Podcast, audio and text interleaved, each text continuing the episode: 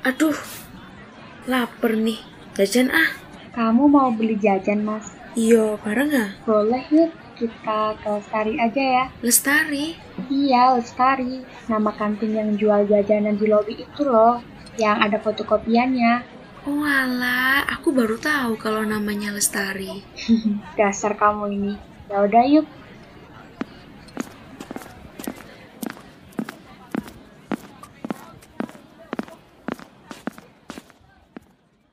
Loh, iki lak Mela sih.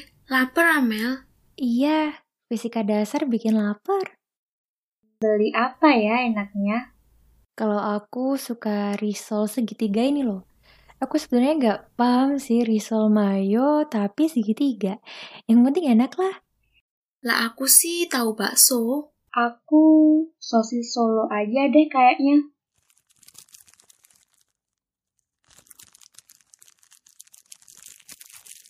Eh, kelas selanjutnya kan masih setengah jam lagi. Mau duduk lesehan di sini aja apa?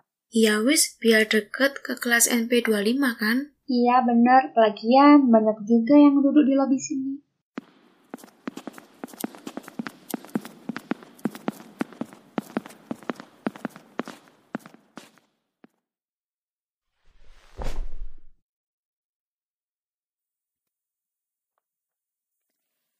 By the way, Gini-gini baru kuliah seminggu udah kelihatan banget Vivi ini bibit unggul.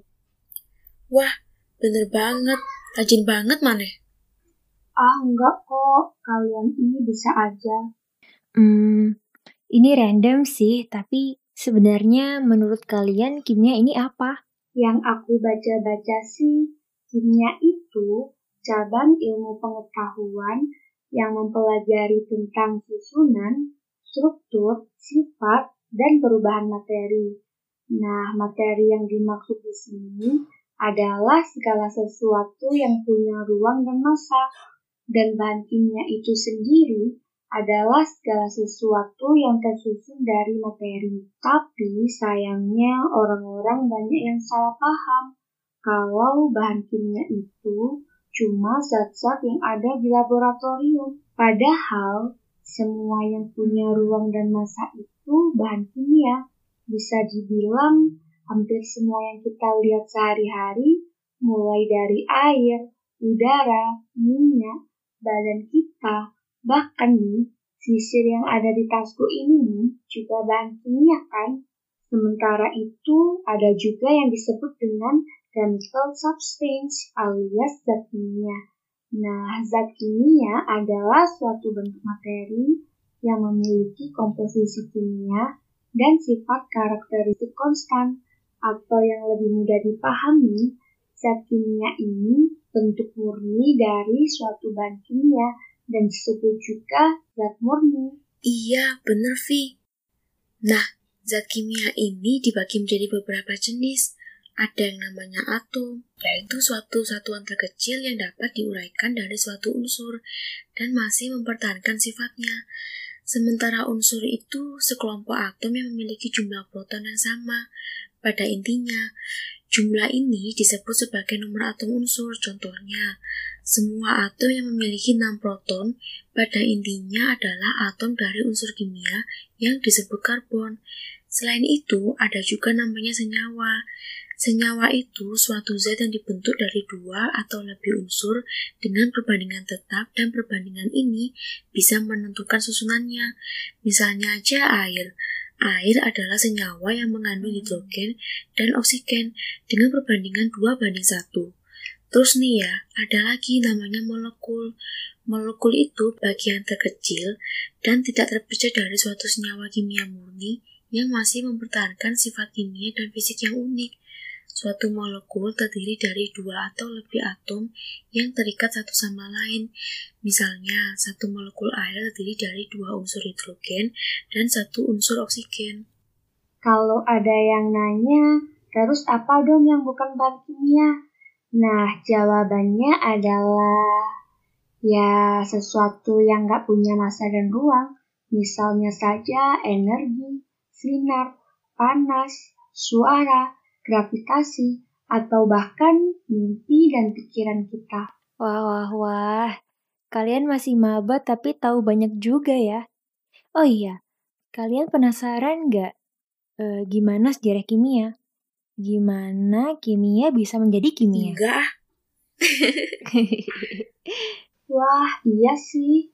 Aku nggak kepikir ke situ. Jadi, semalam aku begadang nih, nggak tahu kenapa. Ya, baca-baca sejarah kimia gitu, biar kenal aja sama apa yang mau aku pelajari di kuliah. Aduh Mel, Mel, mending lihat akun gosip. Atau drakor juga boleh. Tapi beneran deh, ini seru banget. Kalian sempat kepikiran gak sih kalau kimia itu awalnya dianggap sebagai bagian dari sihir? Hah? Sumpah? Masa sih Mel? Iya, bener. Ceritain dong. Oke, dengerin ya. Pengetahuan paling dasar tentang ilmu kimia itu waktu manusia purba bikin lukisan di dinding goa dari darah hewan. Tapi masih terlalu dasar nggak sih kalau disebut kimia? Iya juga sih. Tapi seenggaknya itu awal mula manusia mengamati sesuatu di sekitarnya buat bikin suatu karya kan? Iya. Terus, waktu awal ditemukannya, api itu dianggap sebagai hal gaib karena bisa merubah suatu zat ke zat lain loh. Terbakar maksudnya? Iya, benar. Api mempengaruhi banyak perkembangan teknologi manusia yang juga mendukung penemuan kaca api juga digunakan untuk memurnikan logam. Nah, orang-orang mulai bikin alat logam tuh. Setelah itu, orang-orang pintar atau disebutnya filsuf mulai memikirkan kenapa zat-zat punya sifat-sifat yang beda, kayak warna beda, bau beda, terus punya wujud yang beda-beda juga. Ada gas, cair, padat, gitu-gitu, dan bereaksi berbeda-beda ketika berada di alam filsuf zaman dulu mungkin nggak tahu ya kalau materi itu tersusun dari kombinasi beberapa unsur seperti yang kita ketahui saat ini. Iya, pemikiran kritis paling awal yang terekam sejarah tentang konsep senyawa dikemukakan oleh filsuf-filsuf kuno beberapa abad sebelum Masehi, yang menyatakan bahwa bumi tersusun atas tanah, air, api, dan udara. Filosof Yunani bernama Leucippus dan Demokritus menyatakan kalau materi punya bagian terkecil yang gak terbagi lagi. Atom. Waktu itu sih disebutnya atomos. Filsuf Yunani yang bernama Aristoteles punya pendapat yang berbeda nih, yaitu elemen penyusun bumi e, adalah panas, dingin, lembab, dan kering. Sementara pemikiran-pemikiran ini kian meluas, kemampuan manusia buat ngolah logam juga semakin berkembang. Sampai awal-awal abad Masehi, skill manusia semakin maju dan mampu membuat keramik mewah, kaca, pewarna, obat, baja, perunggu, dan banyak deh produk kimia lain yang bisa juga diperdagangkan. Karena kemampuan-kemampuan ini, muncul gagasan-gagasan yang menjadi cikal bakal alkimia. Jadi, Secara umum, alkimia adalah usaha untuk memanipulasi atau mengubah sifat-sifat materi sehingga punya nilai yang lebih tinggi. Penyelidikan mereka yang paling terkenal adalah untuk menemukan Philosopher's Stone. Uh, itu adalah apa ya zat ajaib atau sakti yang bisa mengubah logam biasa seperti tembaga, timah, besi menjadi perak atau emas. Ini ada hubungannya dengan ilmuwan Arab nggak sih? Setahu aku, ilmu pengetahuan Arab lagi maju-majunya di zaman itu. Iya, jelas ada. Setelah kebangkitan Islam, ilmuwan Arab menerjemahkan karya ilmiah uh, dan filosofi atau ilmu pengetahuan orang Yunani untuk menjadi bekal mereka bekerja dengan bahasa mereka sendiri nih. Setelah itu, filsuf dalam dunia Islam mendalami gagasan-gagasan kimia dan alkimia dengan antusias gitu dan juga memperoleh kesuksesan. Beberapa istilah kimia yang diturunkan dari bahasa Arab di antaranya adalah alkohol, alkali, alkimia, zirkoin, eliksir, dan sebagainya. Mereka yang nemuin semua itu tuh. Dan bisa menunjukkan betapa pentingnya periode ini pada sejarah kimia. Salah satu gagasan utama dalam alkimia Arab abad pertengahan adalah teori yang menyatakan bahwa semua logam tersusun dari sulfur atau belerang dan mercury atau raksa dalam berbagai macam proporsi dan dengan mengubah proporsi itu e, bisa juga untuk mengubah sebuah logam menjadi logam yang lain. Itu gagasan mereka. Hmm, jadi orang Arab dulu ya yang tahu tentang kekinian ini. Iya, baru setelah itu ilmuwan dari Eropa mulai mempelajari pengetahuan Yunani kuno dan Arab abad pertengahan awal dengan menerjemahkan buku-buku mereka. Maka dari itu, tradisi alkimia bersama dengan filosofi Yunani Arab nih e, menyebar di Eropa pada abad 12, termasuk cara pembuatan alkohol dan alat gelas laboratorium yang diprakarsai oleh ilmuwan bernama Abu Musa Jabir ibn Hayyan. Oh gitu. Tapi dia seorang alkimiawan ya. Ada juga ya ternyata pengaruhnya ke kimia. Iya, bisa dibilang kimiawan juga sih gitu.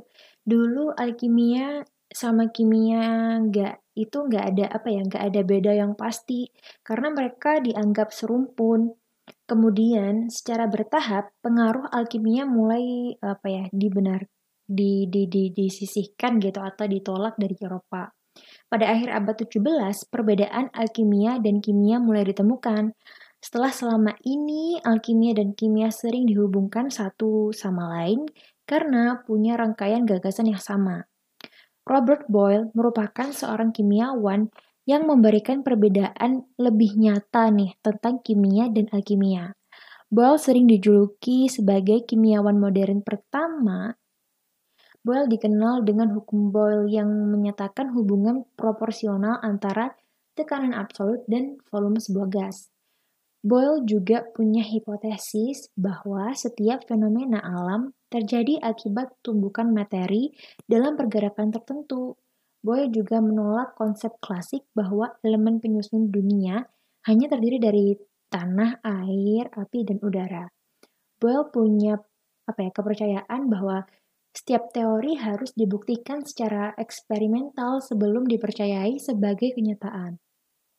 Gagasan tentang atom, molekul, dan reaksi kimia juga berkembang apa ya, berkembang dalam masa ini. Hingga pada awal abad 18, kimiawan memberikan pernyataan tegas terhadap kimia dan alkimia, di mana alkimia dinyatakan sebagai pseudoscience atau gampangnya kayak ada ada campuran mitos-mitosnya gitu. Oh, jadi orang Eropa yang membedakan alkimia dan kimia ya? Mereka ngelakuin apa ya sampai bisa dibilang alkimia yang dipercaya beratus-ratus tahun itu pseudoscience? Kimiawan mulai menemukan lingkungan pencerahan di mana mereka melepaskan diri dari hal-hal berbau mistis yang selama ini melekat. Selain itu, menjadi lebih jelas bahwa Gagasan-gagasan alkimia tertentu, khususnya transmutasi logam, nggak pernah diperagakan. Jadi mereka menduga cuman rekayasa aja bisa berubah dari apa ya besi ke emas. Salah satu pelopor hal ini adalah fisikawan dan kimiawan Jerman bernama George Ernest Stahl yang yang apa ya yang secara terang-terangan menentang gagasan alkimia setelah berkali-kali mencoba sendiri percobaan alkimia yang selama ini dipercaya dan mengusulkan teori kimia baru yang lebih luas. Dia mengusulkan bahwa peristiwa pembakaran terjadi karena pelepasan material cair yang terkandung dalam semua materi mudah terbakar. Material cair tersebut di, disebut dengan phlogiston. Jadi kayak penentu suatu materi mudah terbakar itu phlogiston. Begitu teori pada waktu itu. Apa? Phlogiston? Kok nggak pernah dengar ya aku? Iya sih, tapi ini adalah teori yang diterima banyak orang waktu itu. Phlogiston menjadi pusat teori yang mendominasi pemikiran kimia pada abad 18. Phlogiston secara sederhana dianggap sebagai material yang menentukan apakah suatu material mudah terbakar. Jadi ketika pada waktu itu nih, ketika besi berkarat, dianggap sebagai proses kehilangan phlogiston seperti kayu yang terbakar. Selanjutnya, pernafasan juga dimasukkan dalam fenomena phlogiston ini. Seekor hewan yang menghirup udara kemudian mengeluarkan phlogiston yang dianalogikan dengan api lambat yang menggunakan bahan bakar berupa makanan dalam tubuh yang memiliki banyak phlogiston. Tapi masih ada hal yang membingungkan karena kalian tahu kan, logam mengalami kenaikan massa saat berkarat, sementara ia seharusnya kehilangan massa karena phlogistonnya hilang dan menjadi karat. Permasalahan tersebut mulai terpecahkan pada tahun 1770-an ketika seorang kimiawan Inggris bernama Joseph Priestley memproduksi sebuah gas baru dengan memanaskan mineral-mineral tertentu.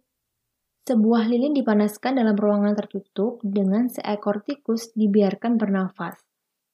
Namun ia bisa bertahan lebih lama dibandingkan dengan seekor tikus yang dibiarkan bernafas di udara biasa pada ruang tertutup.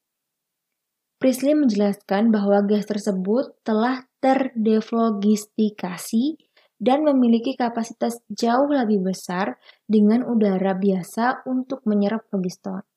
Priestley menyebut penemuan ini dengan udara terdeflogistikasi.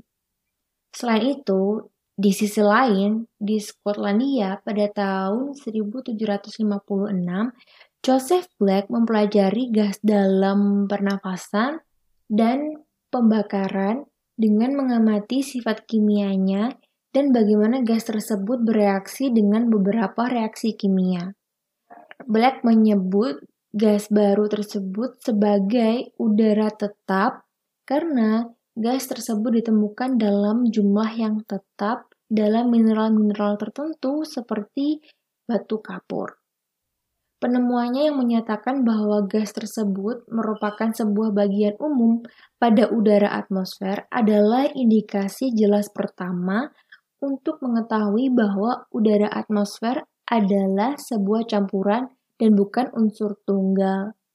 Penelitian terbaru tentang udara-udara tadi nih menarik perhatian seorang bangsawan muda dari Prancis bernama si si si si si gue eh aku ngerti siapa sih siapa ya Halo, siapa mas? ah iya La Voicer bener nggak sih Yap, benar. Nama lengkapnya Antoine Laurent de Lavoisier. Lavoisier memiliki kekayaan dan otak brilian yang membuatnya mampu untuk menyediakan alat-alat yang dibutuhkan dalam percobaan. Ia menunjukkan bahwa udara yang bertanggung jawab atas pembakaran juga merupakan sumber keasaman. Tahun berikutnya dia menamakan bagian ini sebagai oksigen atau dalam bahasa Yunani berarti pembentuk asam. Lavoisier kemudian menunjukkan bahwa udara atmosfer merupakan campuran dari dua komponen utama yaitu oksigen dan sebuah gas yang disebut dengan azote atau nitrogen. Lavoisier juga menunjukkan bahwa air nih adalah sebuah senyawa kimia yang terdiri dari dua zat nih, yaitu oksigen dan sebuah gas yang ditemukan oleh ilmuwan bernama Cavendish yang pada waktu itu disebutnya dengan udara tidak terbakar. Selanjutnya nih, udara tidak terbakar tadi dinamai dengan hidrogen. Hidrogen ini juga berasal dari bahasa Yunani yang berarti pembentuk air. Udara tetapnya black kemudian terbukti nih sebagai bentuk karbon yang teroksidasi atau sekarang disebut dengan karbon dioksida dan udara terdeflogistikasinya Priestley merupakan oksigen. Karya Lavoisier yang dalam bahasa Indonesia berarti Risalah Dasar Kimia pada tahun 1789 adalah buku teks kimia modern pertama dan memberikan pandangan terpadu tentang teori kimia baru berisi pernyataan yang jelas tentang hukum kekekalan massa dan menolak adanya phlogiston. Kimia modern berkembang dari zaman Lavoisier yang dianggap sebagai bapak kimia modern. Setelah itu, berkembang teori tentang atom nggak sih, Mbak? Iya, teori atom modern. Ilmuwan Inggris bernama John Dalton mengusulkan teori atom modern, bahwa semua zat tersusun dari atom-atom dan bahwa atom-atom yang berbeda memiliki berat atom yang berbeda-beda pula. Kimiawan Swedia dan murid Dalton, John Jacob Berzelius memulai memulai memulai sebuah program sistematis untuk mencoba pengukuran kuantitatif yang akurat dan tepat serta memastikan kemurnian bahan kimia. Berzelius mengembangkan teori kombinasi kimia radikal yang berpendapat bahwa reaksi terjadi karena kelompok atom stabil yang disebut radikal dipertukarkan, dipertukarkan antar molekul. Radikal adalah atom, molekul, atau ion yang memiliki elektron valensi yang tidak berpasangan. Sementara itu, perkembangan teori elektrokimia terjadi pada awal abad 19 sebagai hasil karya dua ilmuwan, khususnya J.J. Berzelius dan Humphrey Davy, dimungkinkan oleh penemuan tumbukan volta sebelumnya oleh Alessandro Volta. Davy menemukan sembilan unsur baru termasuk logam alkali dengan mengekstraksinya dari oksida dan mereka menggunakan arus listrik. Ngomong-ngomong, Soal elektrokimia, setauku elektrokimia itu ilmu yang mempelajari aspek elektronik atau listrik dari reaksi kimia. Iya nggak sih? Iya, betul mas. Elektrokimia secara umum dibagi jadi dua kelompok, yaitu sel galvani dan sel elektrolisis. Eh, nanti aja deh ya kita bahas elektrokimianya. Sekarang lanjut lagi dong, Mel. Oke, okay. Terobosan penting dalam memahami daftar unsur kimia yang diketahui adalah karya seorang kimiawan Rusia bernama Dmitry Mendeleev. Mendeleev menghabiskan lebih dari 13 tahun hidupnya untuk mengumpulkan data dan mengumpulkan konsep tentang pengurutan unsur. Mendeleev menemukan bahwa ketika semua unsur kimia yang diketahui diatur sedemikian rupa sesuai urutan kenaikan berat atom bisa menghasilkan sebuah tabel dengan pola berulang atau periodik. Mendeleev mempublikasikan sebuah tabel periodik yang sistematis dari semua 66 unsur yang dikenal berdasarkan mata, masa atom waktu itu dan e, dipublikasikan dalam Principles of Chemistry pada tahun 1869. Tabel periodik pertamanya disusun berdasarkan susunan unsur dalam urutan kenaikan berat atom dan mengelompokkan mereka berdasarkan kemiripan sifat. Setauku juga, setiap unsur dalam baris atau kolom yang sama punya sifat yang khas. Kalau sekarang sih sudah ada 118 unsur dalam tabel periodik yang terdiri dari 18 golongan dan 7 periode. Golongan adalah kolom vertikal sementara periode adalah baris horizontal dalam tabel periodik. Iya, benar banget. Pada awal abad 20, perkembangan kimia kian pesat dan dibentuk organisasi kimia dunia yang bernama IUPAC pada tahun 1919. Pada era ini berkembang teori tentang atom dan elektron yang sangat erat kaitannya dengan fisika. Sementara itu, di bidang kesehatan, ditemukan vitamin dan cara kerja metabolisme dalam tubuh. Salah satu puncak penemuan biokimia pada waktu itu adalah ditemukannya sistem genetik yaitu DNA oleh ilmuwan Amerika bernama James Watson dan ilmuwan Inggris bernama Francis Crick pada tahun 1953. Sejak saat itu berkembanglah teori penurunan sifat dan hubungannya dengan senyawa kimia dalam tubuh. pada rentang tahun 1930 sampai 1970 merupakan revolusi instrumen analisis kimia canggih yang membantu ilmuwan meneliti senyawa kimia dengan lebih praktis dan presisi. Pada akhir abad 20, penemuan kimia banyak dimanfaatkan untuk industri hingga sekarang kimia menjadi salah satu ilmu yang menjadi landasan perputaran ekonomi dunia. Loh, he, udah jam setengah sebelas nih.